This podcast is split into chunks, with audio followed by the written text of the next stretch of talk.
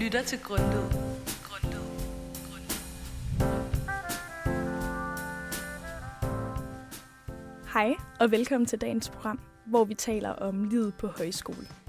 Udgangspunktet for den her podcast har indtil nu været vores egne erfaringer og oplevelser med at gå på højskole i 2023. I dag vil vi i stedet for at prøve at dykke lidt ned i højskolelivets historie og snakke om, hvordan det har været at gå på højskole for 70 år siden. I dag er der nemlig jubilæum for tidligere elever her på Grundvis Højskole, hvor vi sidder i dag. Og det er alt fra 10 til 70 års jubilæer, der er samlet på skolen. Grundvis Højskole blev som en af landets første højskoler grundlagt tilbage i 1856 og hed dengang Marieløst Højskole. Pengene til at grundlægge skolen var en gave foræret til Grundtvig ved hans 70-års fødselsdag, og senere er skolen blevet slået sammen med Frederiksborg Højskole og fik placering i Hillerød, hvor den stadig ligger i dag. Og nu under navnet Grundtvigs Højskole. Mit navn er Nana, og jeg er jeres vært i dag, og jeg har fået besøg af to gæster, der begge har 70 års jubilæum, og det er Paul og Anna-Katrine, som begge har gået på højskole i 1953. Så velkommen til jer to. Tak. Tak. Jeg har glædet mig rigtig meget til at snakke med jer om højskolelivet, da jeg kun kan forestille mig, at det har været meget anderledes end den oplevelse, jeg har, nu hvor jeg går på højskole i 2023. Så først og fremmest kunne jeg godt tænke mig at høre dig, Anna-Katrine. Hvorfor valgte du at tage på højskole? Altså, det gjorde de fleste landbo-ungdom. Og det tror jeg også har noget med. Vi, det var kort tid efter krigen, så alle ligesom skulle på højskole. Og jeg kommer fra Vestjylland, fra Hvidebæk. Så derfor, om at have min søster med her, vi var to, og vi havde en skøn tid, sommertiden, fra maj, juni og juli. Ja. Og da vi kom herover, blev vi vel modtaget af Søren Havstrup og frue. Det var sådan en søndagstid ved aftenstid. Ja, så I fik en dejlig 3. maj startede man altid på skolerne, og så skulle vi inviteres ind til at spise til aften og introduceres. Og så var jeres højskoleophold startet. Ja. Så I, I valgte at tage på højskole, fordi at det var lidt det var noget, man gjorde. Der var måske ikke så mange tanker bag. Det var fordi, det jo, gjorde de der andre var mange også. tanker bag, fordi det her, min, mine forældre har også været på højskole, og det kaldte de livets skole. Ja, så du det- er også blevet inspireret fra dem. Og det synes jeg, at det har det også været for mig. Nu er det 70 år siden, og jeg har haft utrolig mange glæder af Frederiksborg Højskole.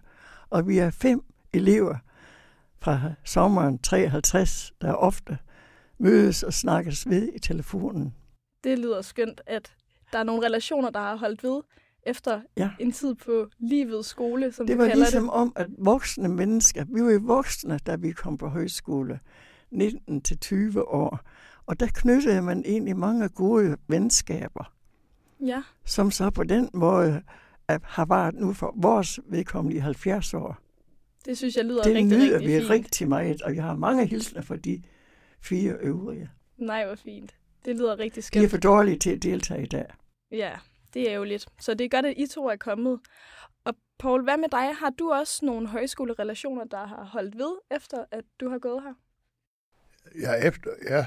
Øh, nu vil jeg nok lige su- supplere med lidt andet først. Øh, Altså det med, at det var øh, unge fra landbokulturen, det var jo dem, der prægede dem, der kom på højskole dengang.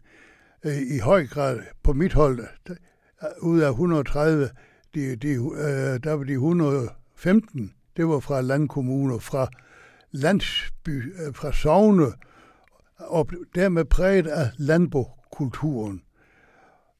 Men det, var det kunne give med, øh, hvad man kunne opleve i et forsamlingshus, og hvad man kunne opleve i en landsby.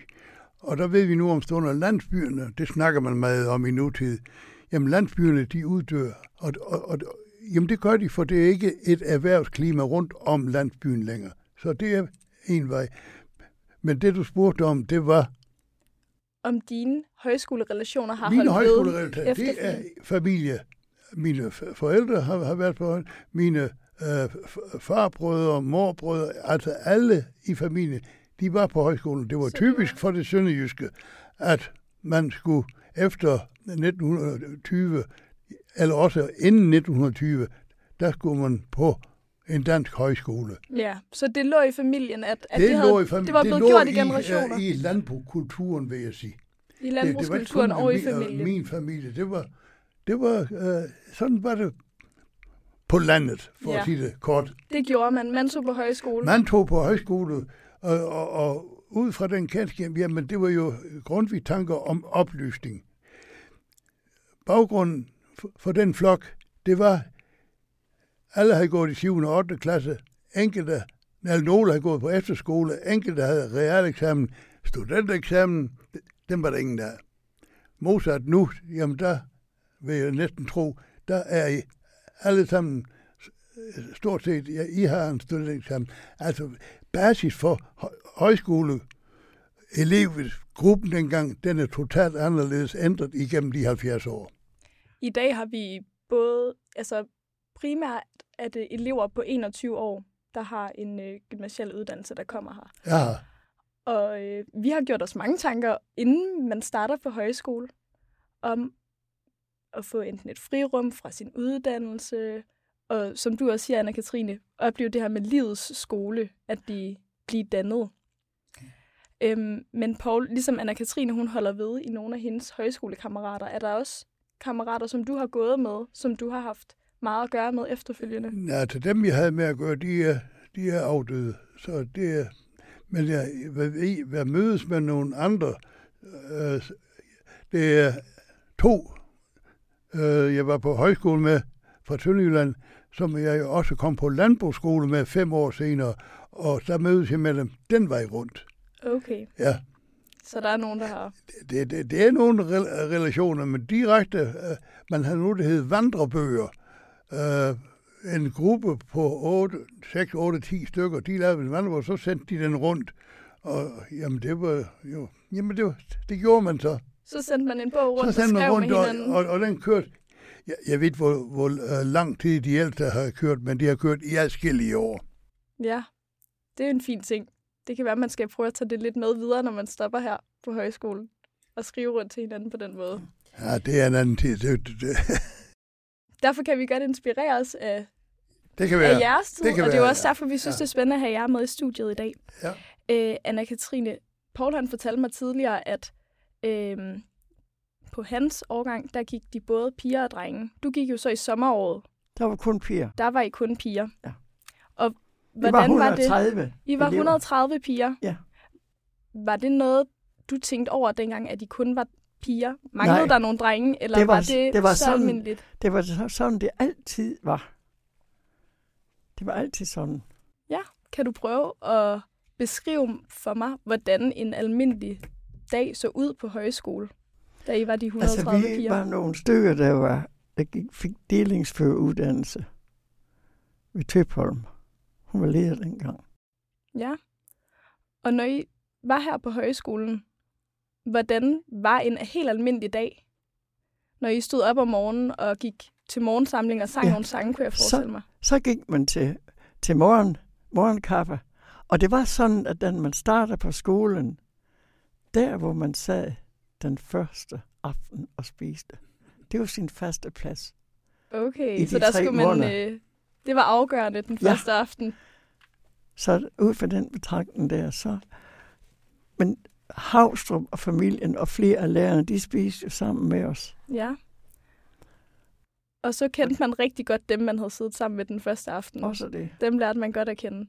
Så efter I havde været samlet om morgenen, Og så var der som regel en, en, en, en morgen foredrag. Og så op ad dagen, så blev man delt ud i, nogen gik til sport og gymnastik altså, og nogen deltog i håndarbejde eller noget andet specielle, som ja. man var meldt til på.